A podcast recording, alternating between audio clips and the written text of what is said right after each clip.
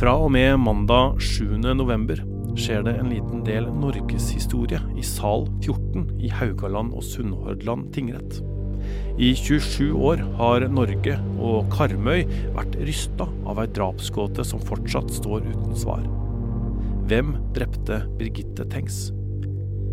I minst to måneder kommer folk med kapper, bunker med dokumenter og klikkende kameraer til å stimle rundt rettssalen nord i Rogaland. Hvem er alle disse som skal prøve å finne ut om Jonny Vassbakk er skyldig eller ei? Og hva har aktørene med seg som kan sette ham i fengsel eller gjøre ham til en fri mann? Jeg heter Tor Erling Tømt Ruud, og dette er Krimpodden i VG.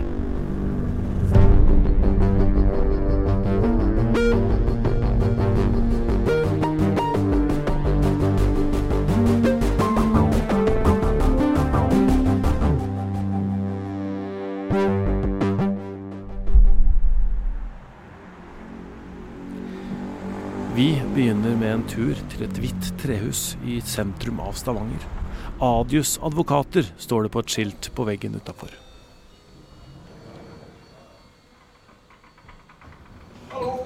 Kom inn, Stian. Hei, Ruth. Du, kan ikke du bare sette deg her, så kommer jeg et øyeblikk. Eh, det er Hilde. Hei, Hilde. Hei, hei. Du Har du lyst på litt kaffe, eller? Ja takk, veldig gjerne. Ja, Hvis så du fikser har vi det. en lett tilgjengelig, Ja, det fikser vi. Og en liten bit med sjokolade òg. Har nesten klart å spise opp alt. Så det er bedre å stå her enn at jeg Krimpodens reporter Ruth Einvoll Nilsen blir frista av en bolle med sjokolade på det store mørkegrå møterommet hos Adius. Sånn, der var kaffen. Det er innafor disse veggene at noen av de mest sentrale i Tengs-rettssaken holder til til vanlig. Jeg heter Stian Christensen. Jeg har jobbet som advokat i ja, det nærmer seg 20 år. Eh, og eh, 15-16 av de åra har jeg jobbet i Stavanger. Eh, har hatt eh, forskjellige straffesaker rundt om i, eh, i Norge, men stort sett på Sør-Vest og Sørlandet.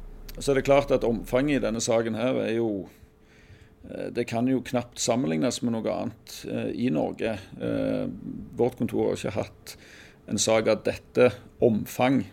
Det har vi ikke. Det er altså Stian Christensen du hører her, hovedforsvareren til Jonny Vassbakk som står tiltalt for drapet på Birgitte Tengs. Den siste uka har Christensen og de to kollegaene som også jobber med saken, holdt til på Høstfjellet, på ei hytte i Sirdal i Agder. Men det er ikke en avslappende høstferie de har vært på. Vi har stukket oss vekk denne uka, eh, og det handler om å få arbeidsro. eh, Og det handler om å, komme inn i eh, Du kan gjerne kalle det bobler, da. Eh, Der du, der du er i saken eh, egentlig over tid. da.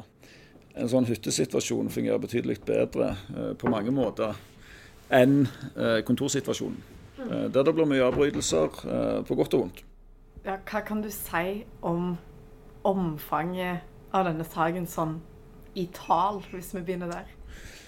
Ja, det, altså omfanget er nesten eh, Det er nesten litt sånn uforståelig. Eh, altså det er eh, Jeg tror i sidetall så, så snakker vi om i hvert fall 20 og kanskje 25 000 skrevne sider. Et stort antall vitneavhør som er tatt gjennom en lang tidsperiode, en periode på, på 27 år. Der er skjult etterforskning med datafiler. Vi snakker over fem millioner. Eh, Og der er jo eh, både tekniske og taktiske undersøkelser som er gjort i alle disse årene. Så, så det, det, en, eh, det har vært en betydelig jobb å bare sette seg inn i eh, faktum, den faktiske situasjonen, hva som er gjort og hva resultater det har vært sånn opp gjennom året. Ja, hvor lenge har du holdt på med det? Ja, Det har vi jobba mye med i både meg og kollega Bråstein nå i over et år. Eh, siden slutten av august, begynnelsen av september, så har vi brukt mye tid eh, på dette. Men vi har òg jobbet med andre saker, så det har ikke vært en, en fulltids, eh, fulltidsjobb for oss før nå, faktisk de siste månedene. For nå er det vel definitivt det. Nå er det definitivt det. Og vi var jo inne på liksom, mengden i, i sidetall. Men eh, kan du si noe om liksom, mengden arbeid for dere som advokater? Altså, hvor massivt er det å, å jobbe med? Ja, det, ja, det er massivt. Det er, det er mye. Og det, og det, går lang tid. Eh, stort sett når du jobber med straffesaker, så klarer du å få en sånn rimelig grei oversikt over, over, over faktum og, og, hva som har skjedd og hva som ikke har skjedd eh, i løpet av noen dager. Det gjør en stort sett alltid. Eh, noen saker kan det gå lengre tid òg. Eh, I denne saken så jobber du og leser i mange, mange måneder. Uh, uten å få en fullstendig oversikt over faktum. Uh, sånn at det, det, er veldig tidkrevende bare å lese saken.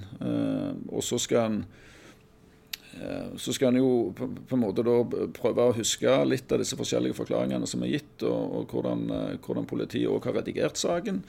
Så det gikk lang tid før vi hadde den fulle oversikten. Og det er jo et must. Som forsvarer i en straffesak så er det så det er regel nummer én. Du må ha kontroll på faktum. Mm. Mm. Og det er vel først da man kan begynne å bygge Forsvaret? Du må ha kontroll på faktum, og så kan du begynne å bygge forsvar. Det er helt korrekt.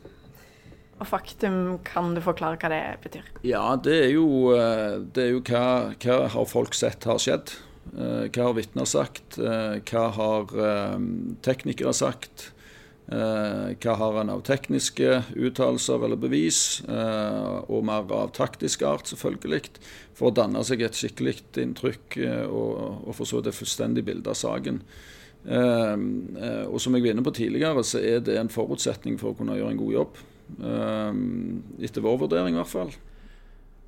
Det var først da Riksadvokaten i oktober tok ut eh, tiltale mot Jonny Vassbakk at Stian Christensen og de to andre forsvarerne kunne vite sikkert at det blei en rettssak, en såkalt hovedforhandling.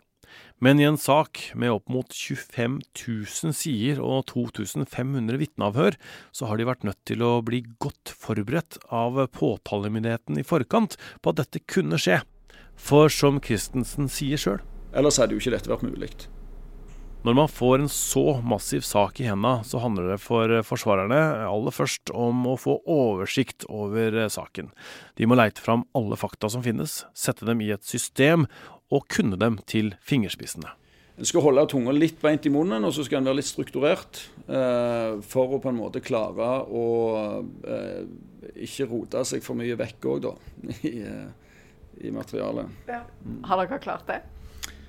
Ja, det vil jeg påstå vi har. Jeg vil påstå vi har god kontroll på faktum. Eh, og vi har god dialog med, med, med vår klient. Eh, og han er klar for å møte og svare på eh, de anklagene som er reist mot han, og han, han, han, fastholder jo at dette har han ingenting med å gjøre. Hvor godt forberedt føler du at dere er nå? For vår del så er vi, opplever at vi er godt forberedt. Eh, og Så får det være opp til andre å bedømme eh, hvordan det kommer fram i retten, men vi opplever at vi er godt forberedt.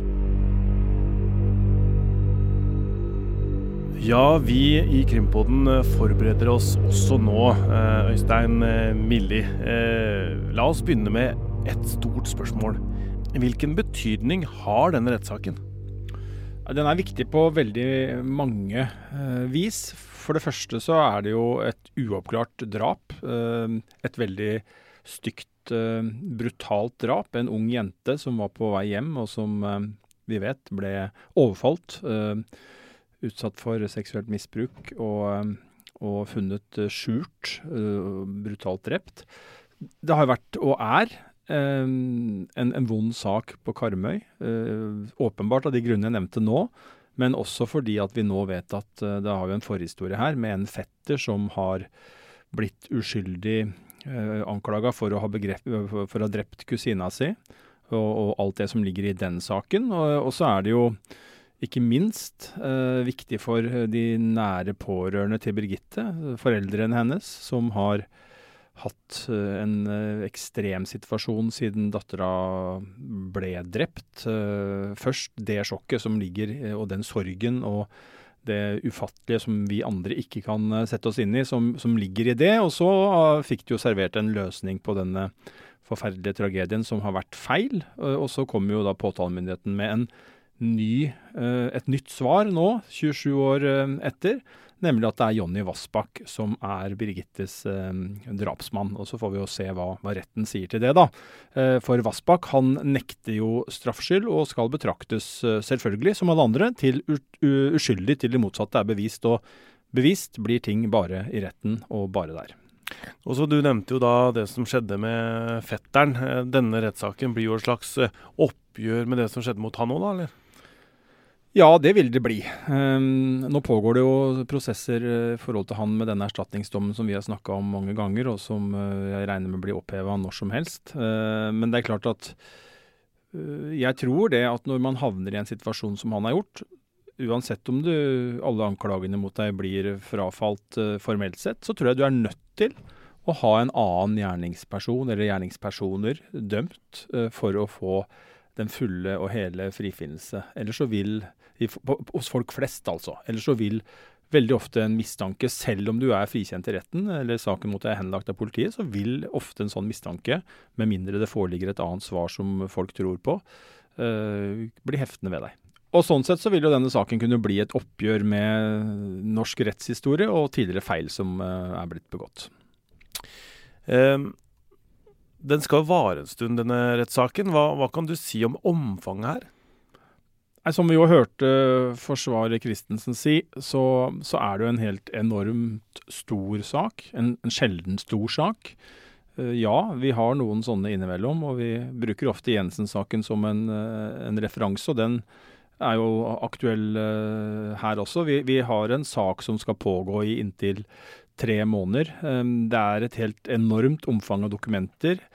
Det er um, 27 år siden uh, drapet skjedde, og det har jo vært to runder med fullskala etterforskning. Først den gangen den gang da, og så vet vi jo at det har vært en veldig omfattende etterforskning også etter at Cold Case først så på saken, og Vest politidistrikt uh, starta å etterforske, eller fortsatte å etterforske saken.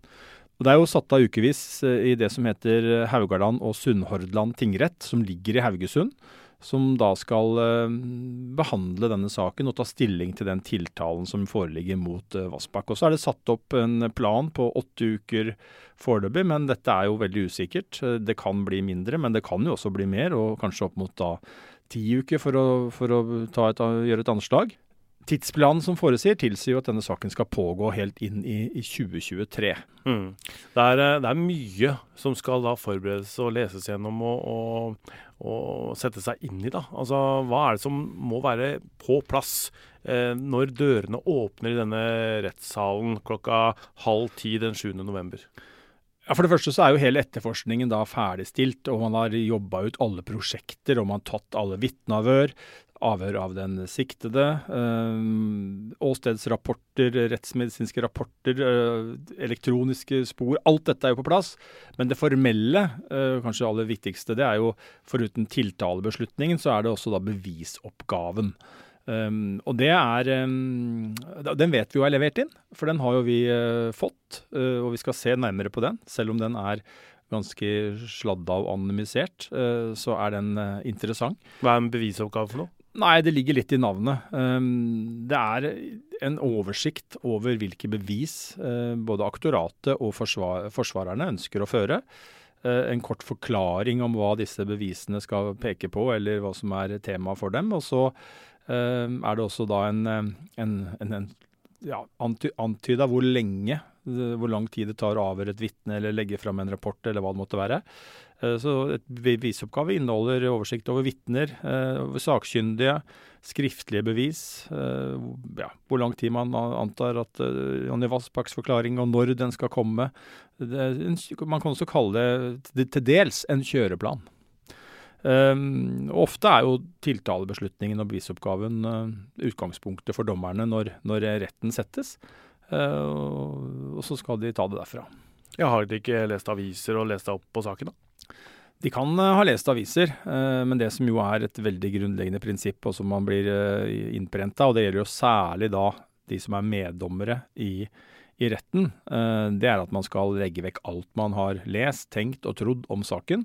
Det man skal ta stilling til, eller det man skal dømme ut fra, er helt og bare, bare det som kommer frem i selve rettssalen. Så Eh, man får jo beskjed om at man ikke skal diskutere dette hjemme, ikke med naboer, og på en måte gå litt inn i et vakuum og prøve å trykke en sånn restart på, på hjernen sin, sånn at man ikke har med seg eh, ja, avisartikler og ting man har tenkt eh, inn i, i, salen. Det som nå starter på mandag, det kalles en hovedforhandling. Hva går det ut på? Ja, det kan også, Noen kaller det også en rettssak. Altså det er jo da, eh, Nå er etterforskningen avslutta, og både politiet og statsadvokaten og riksadvokaten har gått gjennom saken, og man har kommet frem til at det var grunnlag, eller er grunnlag for å gå til retten og be om en dom mot Jonny Vassbakk. og Da blir det en hovedforhandling. og den er da, som vi har vært inne på, et, et, et sted hvor, hvor, det er dommere som sitter eh, lina opp, eh, klare for å motta og høre på argumenter for og imot. Eh, og det skal være muntlige forhandlinger. Det er jo også noen skriftlige dokumenter, men, eh, men hovedregelen er at man skal ha en muntlig bevisførsel. Uh, og så skal jo da uh, dommerne både høre på det som blir sagt, ha også muligheten til å stille spørsmål. Uh, og til slutt, da når bevisførselen er, er, over, så skal de trekke seg tilbake for å, for å avsi da en dom. Enten en frifinnende dom eller en fellende dom. og så er det jo sånn i tingretten, som vi skal inn i nå, Eh, ikke lagmannsrett, men altså tingrett, første instans. Eh, og så blir det helt sikkert, eller ganske sikkert, en lagmannsrettsbehandling her også. Eh, men, men nå er det første runde, tingretten, og da er det vanligvis én fagdommer og to meddommere som retten blir satt med. Og det meddommere, det er jo da folk flest. Det kan være lærere, konsulenter, renholdsarbeidere, ja, vanlige folk. Ja, og det er et viktig prinsipp i norsk rett. ikke sant? At man skal ha dette legmannsprinsippet. Og det betyr at man alltid skal ha en overvekt av vanlige folk eh, i, i, blant dommerne. Eh, og så er det sånn at i store saker med mye ja, dokumenter, mye bevisførsel eh, som er omfattende, eh, så kan man forsterke retten. Og da dobler man antall fagdommere til to. Og det har vi sett uh, igjen, for å bruke en referanse da i, i Jensen-saken. Um, det handler jo om at det er mye å skulle holde orden på, mye å skrive. Uh, ikke minst, bare det å skrive dommen er det fint å kunne dele på to, for det er det nemlig fagdommerne som gjør. Uh, vi skal komme tilbake igjen til hvordan de jobber i retten senere. Men, men, når man da dobler til to fagdommere, så må man også legge på én meddommer til tre, slik at det blir fortsatt et flertall med vanlige folk. Og da har man det man kan kalle en forsterket rett i tingretten. og Da er det altså da tre meddommere og to fagdommere. Og så tipper jeg også at man har innkalt en reserve eh, blant meddommerne, som hvis det skulle oppstå sykdom eller et eller annet som gjør at en av de tre meddommerne må fratre, så kan man, eh, har man en som sitter, eller kanskje to, eller ja, i hvert fall én, som sitter og følger med og kan tre inn i retten. Ja, og når vi da går inn i sal 14 på mandag, da, hva er det som eh, skjer da? Litt formalia ved at retten settes, og at man uh, presenterer dommerne. Og ja, habilitet og sånn har man tenkt på på forhånd. Um, og, og, så er det ganske raskt uh, aktor som Stort sett i hvert fall aktor uh, som leser opp om tiltalebeslutningen. og så får jo Vossbakk spørsmål om han erkjenner straffskyld. det kommer han til å svare nei på. Uh, og dette er en, alt det vi snakker om nå er en ganske rask uh, seanse. Og så kommer man ganske fort da, inn på det som kalles et innledningsforedrag. Uh, og da er det aktor som holder det. Da gir man en oversikt over saken. man kommer inn på denne bevisoppgaven, tidsplanen, det praktiske, og man kommer inn på hvilke temaer som påtalemyndigheten mener er viktig, og ja, kort sagt hvordan man kommer til å legge opp saken i, i retten. Eh, og så får jo også forsvarerne ordet, selvfølgelig. Det er jo alltid sånn retten at eh, man hører begge sider. Um, og da kan forsvarerne komme med kommentarer til innledningsforedraget, og også bidra med sitt perspektiv på saken. Og så er det neste steget da er at man starter bevisførselen.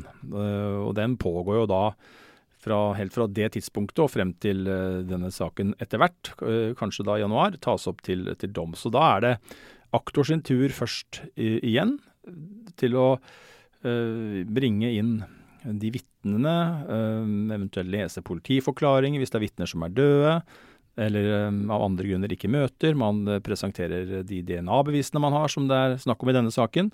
og eventuelt også skriftlige bevis. Og det kan være ulike typer vitner, det er viktig å si. Og det er ikke sånn at alle som kommer retten er øyenvitner som har sett et eller annet. Altså, du, legen din kan være et vitne, Eh, mora di kan være et vitne.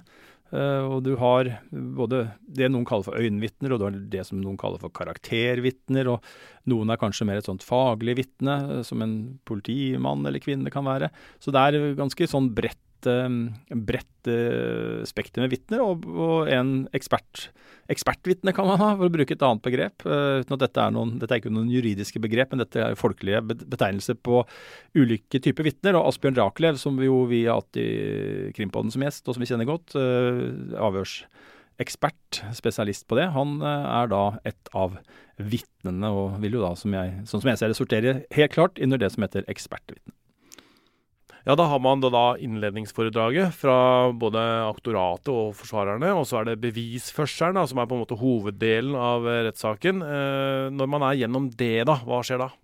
Ja, Bare så vi ikke glemmer det, så er jo også Jonny Vassbakks forklaring er jo også en del av, av bevisførselen. Men eh, når alt det er avslutta, så eh, er det da prosedyrer. Og det er enkelt og greit eh, aktor og forsvarer som får holde hver sine avsluttende innlegg. Der oppsummerer man saken, peker på hva man mener er bevist og ikke bevist, nedlegger en påstand om straff, gjør påtalemyndigheten.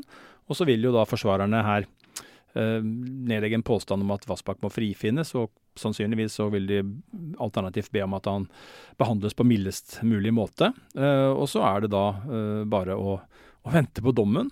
Og, og det er jo et spørsmål alltid når kommer den? Og det varierer veldig. Eh, og det henger selvfølgelig bl.a. sammen med omfanget på saken. Her har vi en stor sak. Da tar det ofte litt lang tid. Eh, så jeg vil jo anta at eh, det neppe kommer en dom før det har gått ja, i hvert fall uker, og kanskje også en måned eller to. Men dette vil jo også, og dommeren kanskje, gi et anslag på når vi, når vi kommer dit, da sannsynligvis rett over nyttår, at denne saken tas opp til doms, som det heter. Hva blir de mest sentrale stridstemaene i denne saken? Ja, det skal vi gå mer detaljert inn i, men, men det som jo er hovedbeviset som påtalemyndigheten påberoper seg, er jo et, eh, et DNA-bevis. Eh, man har jo gjort et DNA-funn på strømpebuksa til Birgitte i en blodflekk som man mener helt klart tilhører eh, Jonny Vassbakk. Um, og så blir det jo hans forklaringer uh, viktige, uh, og det gjør også bakgrunnen hans, og vitner uh, som kan ha sett både hans bevegelser, men også andre bevegelser den, den, kvelden før Birgitte ble drept, er viktig. Og så vil påtalemyndigheten helt sikkert vie det de mener er et manglende alibi-oppmerksomhet for Vassbakk sin del. Eh, og så vil de nok også argumentere for at han er en såkalt moduskandidat. og Det er jo da kort fortalt en person som har begått eh, handlinger tidligere som gjør at man uh, ser det som en mulighet for at vedkommende også kan ha, ha gjort det man er anklaga for. Og For Vassbakks del så vil nok påtalemyndigheten peke på denne seksuelt utagerende oppførselen og, og volden han har hatt uh, noen episoder med mot, mot kvinner.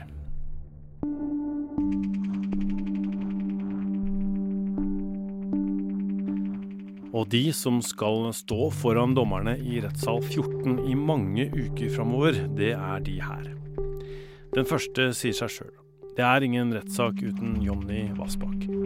Det er han som nå er tiltalt for drapet på Birgitte Tengs under såkalt særdeles skjerpende omstendigheter. Det er fordi det i tillegg til drapet har blitt brukt omfattende vold over tid, og at Birgitte ble utsatt for et seksuelt overgrep. Med seg har Jonny Vassbakk tre forsvarere. Det er hovedforsvarer Stian Christensen. Og så er kollegaene hans Stian Bråstein og Ørjan Eskeland med som medforsvarere. I løpet av ukene i rettssaken skal Eskeland fungere som et slags backoffice, som skal sjekke opp og undersøke ting underveis. Og så er det påtalemyndigheten, altså de som er anklager i straffesaken. I en rettssak kalles de som representerer påtalemyndigheten for aktorat. Og i denne saken mot Vassbakk er de representert med to aktorer. De er begge statsadvokater og heter Tale Tomseth og Nina Grande. I tillegg har de med seg såkalte bisittere, som skal bistå aktoratet underveis med innspill, hente ut utdrag fra dokumenter, ja, dette backofficet som også forsvarerne har. De to fagdommerne heter Arne Vikse og Signe Lundegård. Men de tre meddommerne veit vi ikke navna på ennå, og vi har heller ikke vitnelista med navn. Men det vi veit er at eh, det er venner av Birgitte, øyenvitner, DNA-eksperter, sakkyndige og personer som kan portrettere Vassbakk som moduskandidat, som er blant de som skal forklare seg under ed. I tillegg så har jo Birgitte Tengs sine foreldre to bistandsadvokater. Det er Erik Lea og John Christian Elten. Og så er Arvid Sjødin tilbake som advokat for fetteren til Birgitte Tengs. For vi veit allerede at avhøret av fetteren og den falske tilståelsen hans blir dratt inn i saken igjen.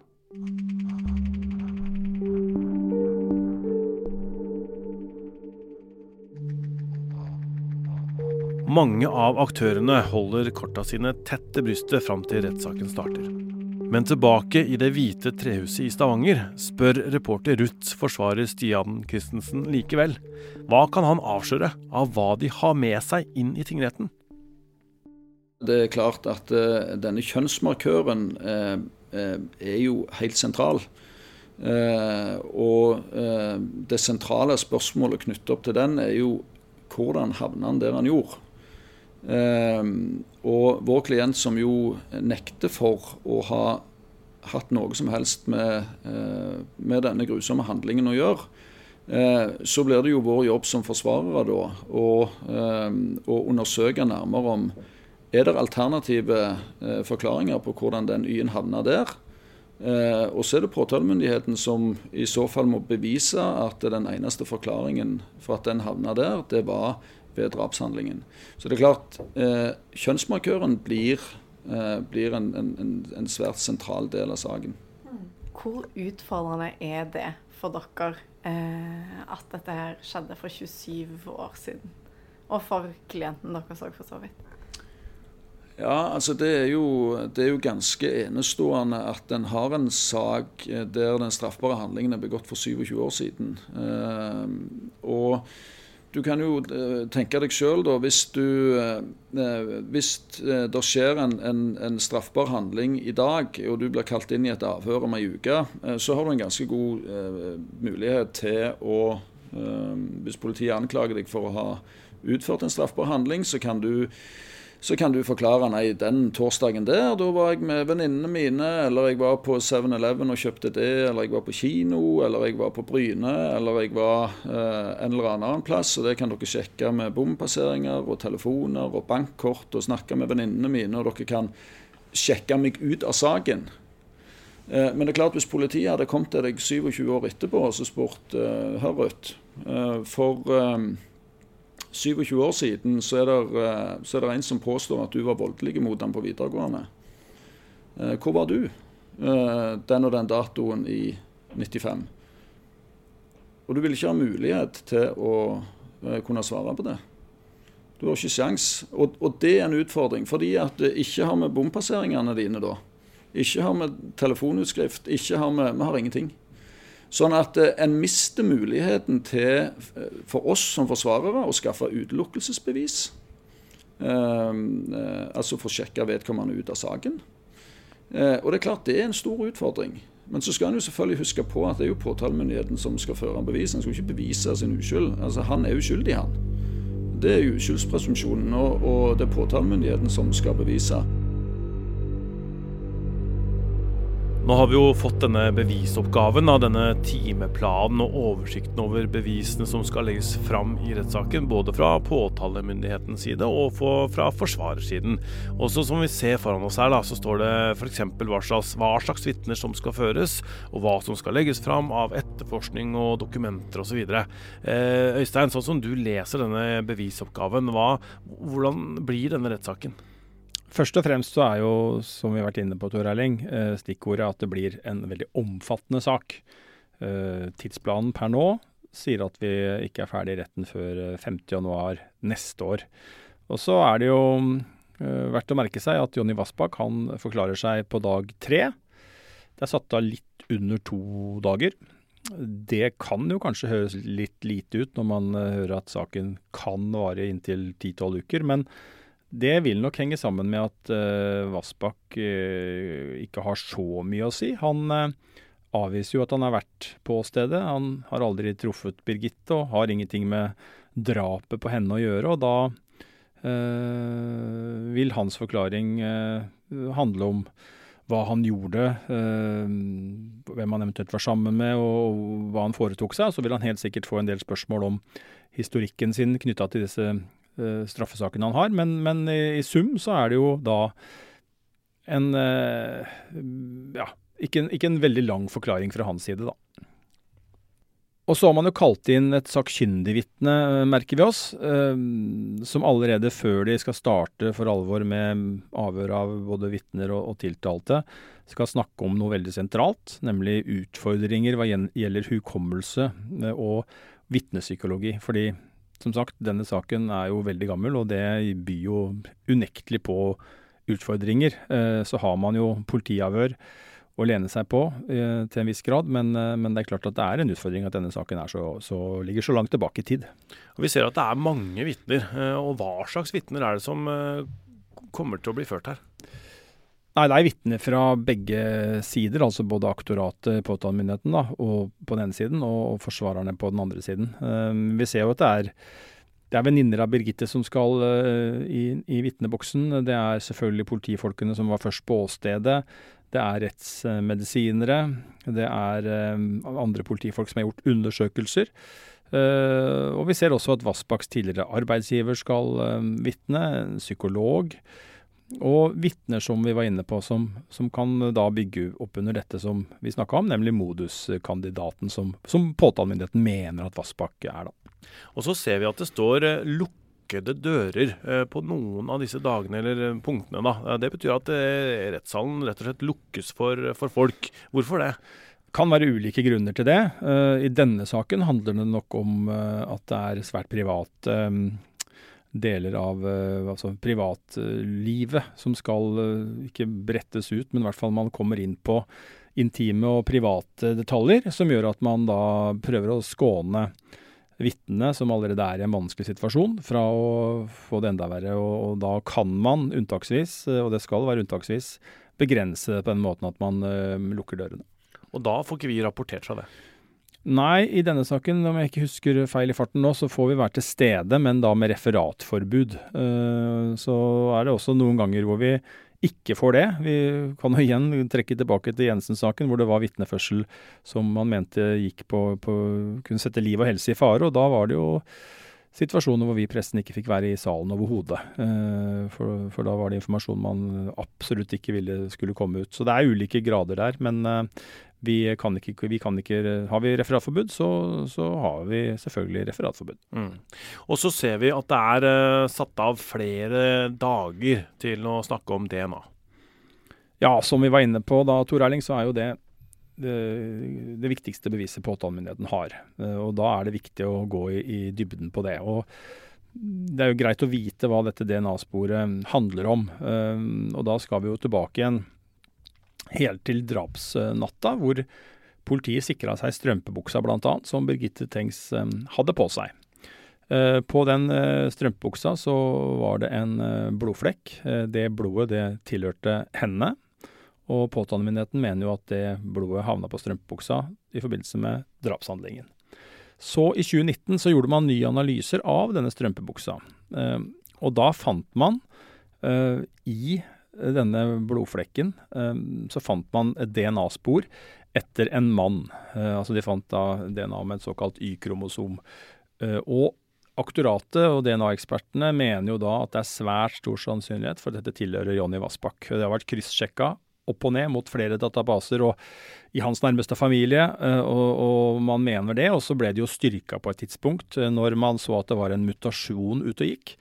Og det gjør at uh, politiet, ja, de er vel Vi får høre hva de sier, men jeg oppfatter politiet, påtalemyndigheten, som de er så sikre du får blitt på at dette DNA-sporet tilhører han.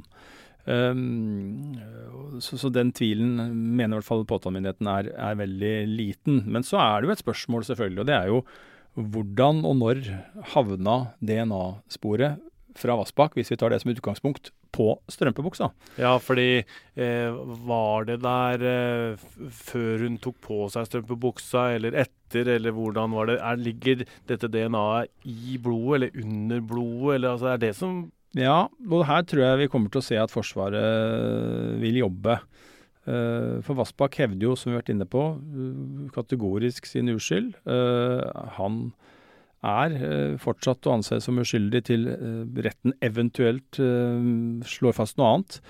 Og da er, det, da er det jo fra en forsvarsadvokat sitt standpunkt, i hvert fall, så er det jo svært interessant å se om det finnes noen andre forklaringer på hvorfor dette DNA-sporet kan være der det er. og det vi både tror og til dels vet, er jo at man kommer til å så tvil om dette DNA-sporet havna der i forbindelse med at utfordre påtalemyndighetens synspunkt, eller påstand, om at dette handler om at Vassbakk avsatte DNA-sporet når han drepte Birgitte. De mener, altså de er forsvarerne, mener at det kan ha havna der på en annen måte, under analyser f.eks. Man kommer til å stille spørsmål ved faren for både oversmitte og kontaminering. og det finnes jo og, og, og, Finnes det andre kontaktpunkter hvor det Vassbakks DNA kan ha kommet på Birgitte? Det er jo et spørsmål.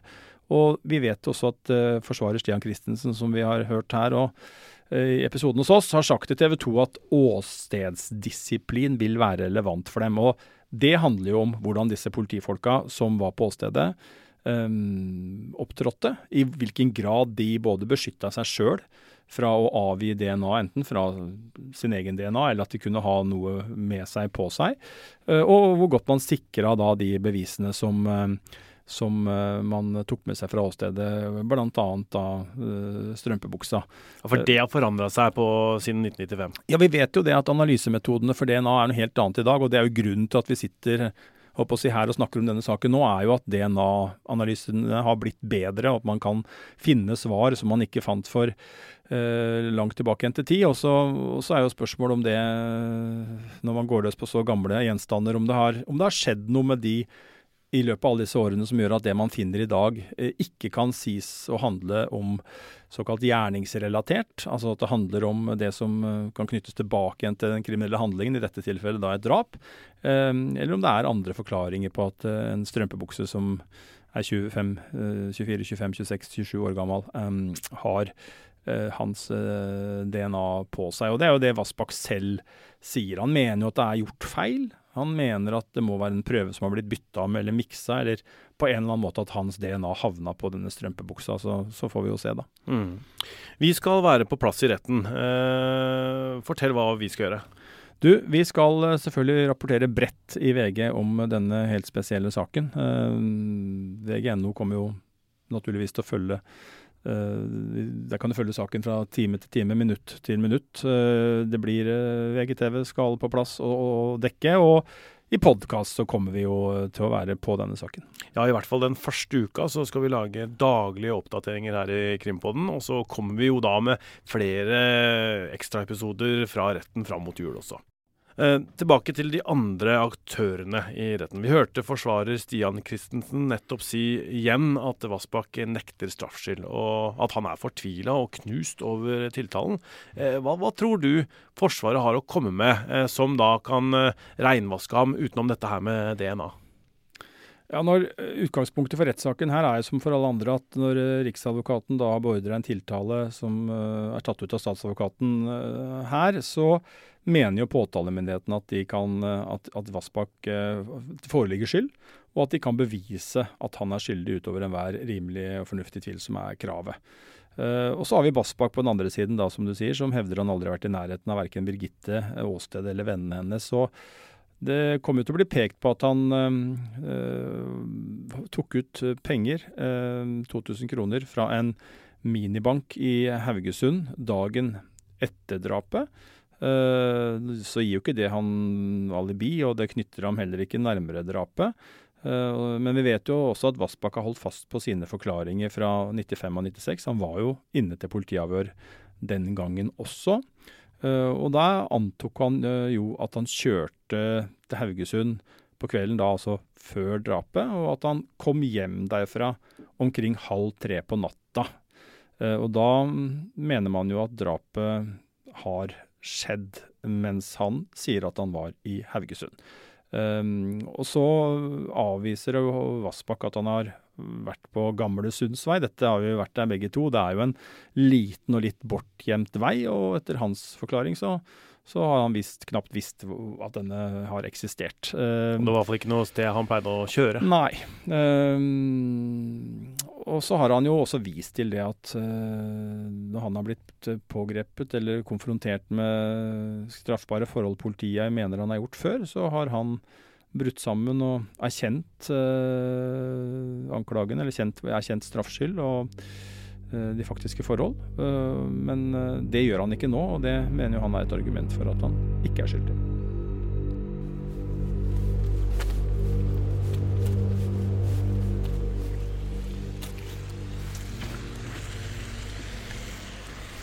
Produsent i Krimpodden, Vilde Worm, er på vei til å besøke Svein Magnussen. Han er professor i psykologi og er særlig opptatt av ett felt Hei sann. Hei, Vilde. Hyggelig. Her har det vært uh, halloweenfeiring, eller? Ja, altså Det er kommet mye unger her, så ja, kona pleier alltid å ha litt godterier og litt sånn lys og sånne ting. Magnussens spesialfelt er vitnepsykologi. Det har han skrevet bok om, og har i mange år kursa både dommere og advokater i det samme. For hva kan man egentlig huske nesten 30 år tilbake i tid? Vitnepsykologi det er eh, studiet av det er et ganske stort område. Men la oss si det er studiet av hvor pålitelige er våre observasjoner av det som skjer rundt oss til enhver tid. Og hvor pålitelig er hukommelsen for det vi i sin tid observerte. Eh, det er én del, kanskje den viktigste delen av vitnepsykologi. Og så har du en parallell del som da går på troverdighet i hvilken grad er vi i stand til å vurdere hvorvidt det andre forteller, eh, er sant eller ikke sant, på grunnlag av hvordan fortellingen er, og hvordan de fremstår. Det er de to. Men den, jeg syns kanskje den viktigste delen er denne hukommelsesdelen. Mm. Ja, hvorfor det? Fordi at uh, hukommelsen uh, er nok ikke så pålitelig som det vi gjerne kunne tro og i alle fall som vi gjerne kunne ønske. Eh, hukommelsen Én ting er at vi glemmer. Det er nå så. Men det er også slik at hukommelsen er påvirket av mange andre ting enn det vi selv observerte, så hørte den gangen, som vi senere skal fortelle om. Eh, slik at det er mange faktorer som kan påvirke og gjøre at det vi husker, er ikke nødvendigvis det vi faktisk observerte og så, men kan være påvirket av mange andre faktorer som kommer senere. Eh, er det sånn at du kan eh, nevne noen av de faktorene som er viktige? For ja, for, ja, for eksempel all informasjon vi får om den samme hendelsen senere. At vi snakker med andre som var, der, var til stede. At vi selv mener å huske eller tenke over hva var det egentlig vi, vi, vi så og hørte den gangen. Eh, hva vi leser. Hva vi hører i avisene. Om dette er hendelser som da er viktige og får medieoppslag osv. Så, så, så senere informasjon er da, er da, viktig. For det kan fordreie hukommelsen. Kan man i det hele tatt stole på hukommelsen? Ja, stort sett. I, i all hovedsak. Og for, si, for alle praktiske formål i dagliglivet så kan vi stole på hukommelsen. Altså, stort sett så husker vi mer eller mindre korrekt. Men det hender da og vann at hukommelsen blir satt på prøve den kanskje egentlig ikke er designa for. Altså hvor vi forventes å huske ting og detaljer mer presist, og tidspunkter mer presist osv. enn det vi gjerne gjør.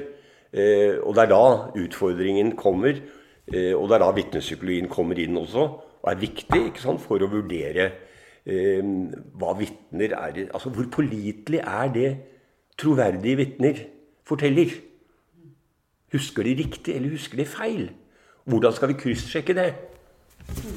Ja, da er det jo naturlig oppfølgingsspørsmål. Hvordan eh, skal man kryssjekke Ja, det, det, det er faktisk det eneste, det eneste måten å kryssjekke det på, det er, det, er faktisk å én eh, sjekke forklaringen mot hva andre vitner, andre som var til stede, forteller, og mot de, altså den kunnskap vi har om saken for øvrig.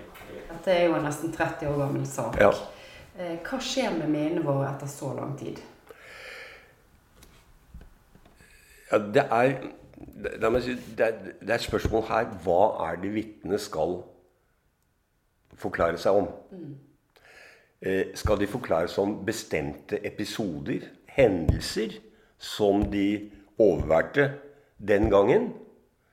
Eller skal de forklare seg om Eller de kjente f.eks. Eh, den, den anklagede, og skal forklare seg litt om hvordan han var. I det siste tilfellet så kan det være ganske, antagelig ganske eh, greit eh, å huske. Fordi at det betyr at dette er en person du kjenner, det er en person du vurderte eh, den gangen. Nå er det nok riktig sånn at eh, det at vedkommende nå er anklaget, det vil antagelig farge minnene dine en del. Eh, sånn er det.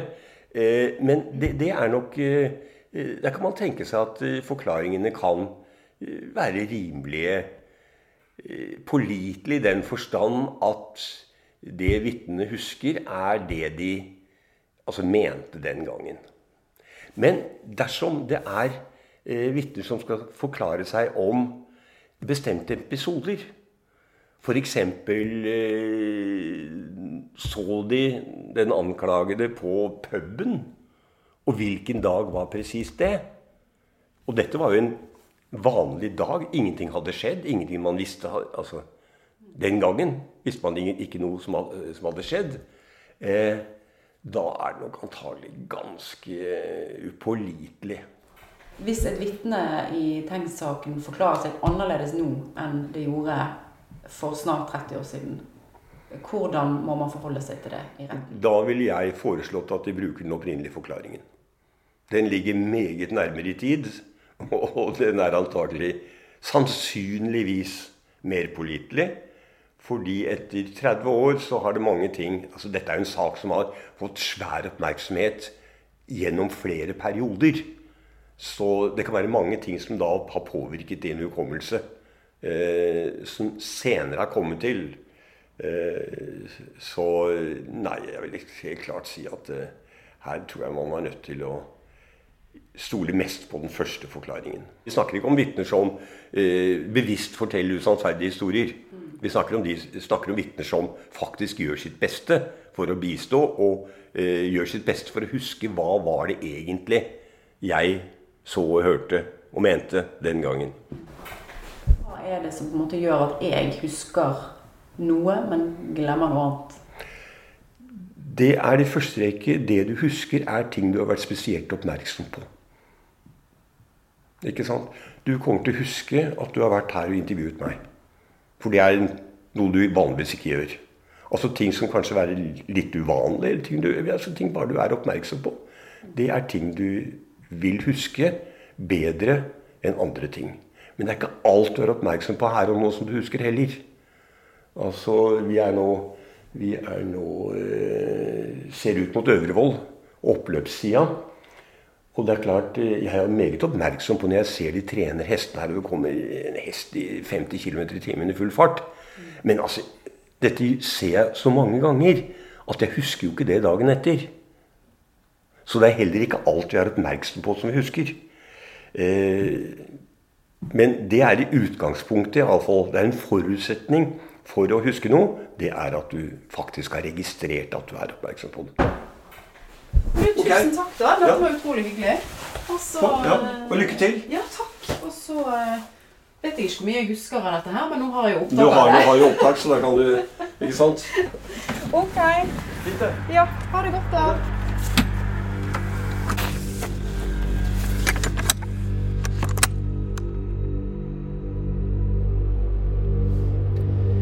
I 13 måneder har Jonny Aasbakk sittet i varetekt i Åna fengsel på Jæren. Det er en 50 minutters eh, kjøretur fra Adius advokater. En strekning forsvarer Stian Christensen har lagt tilbake mange ganger i løpet av det siste året.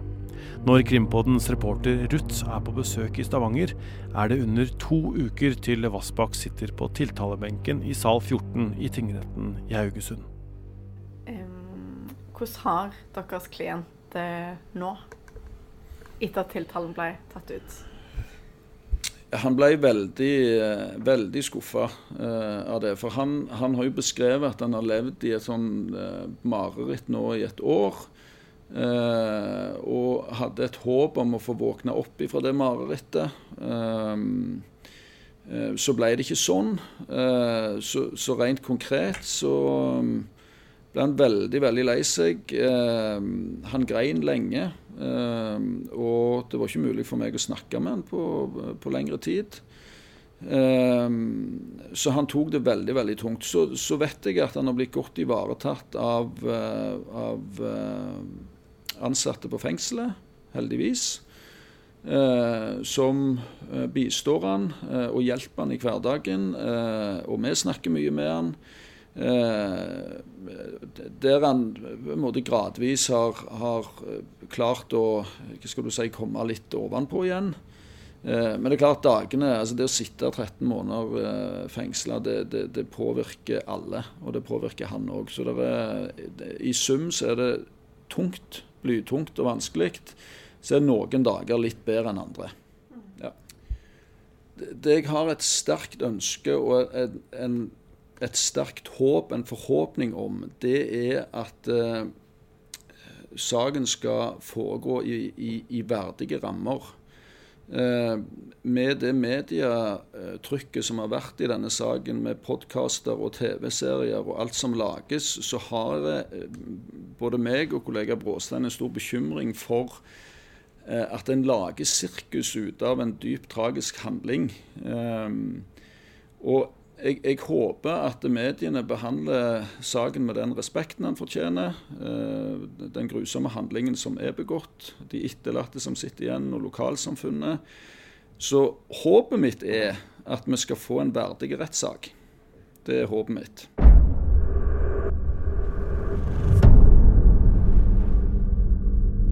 På mandag er Krimpodden på plass i rettssalen der Jonny Vassbakk står tiltalt.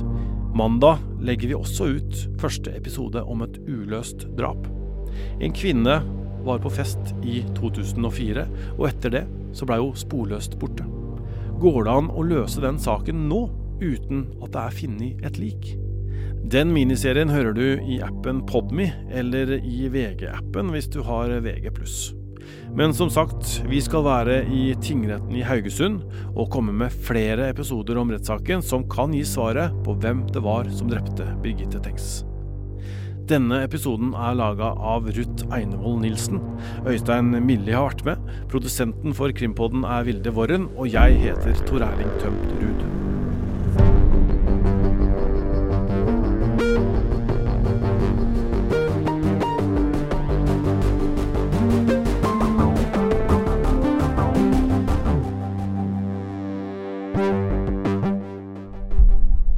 Du har hørt en podkast fra VG. Ansvarlig redaktør, Gard Steiro.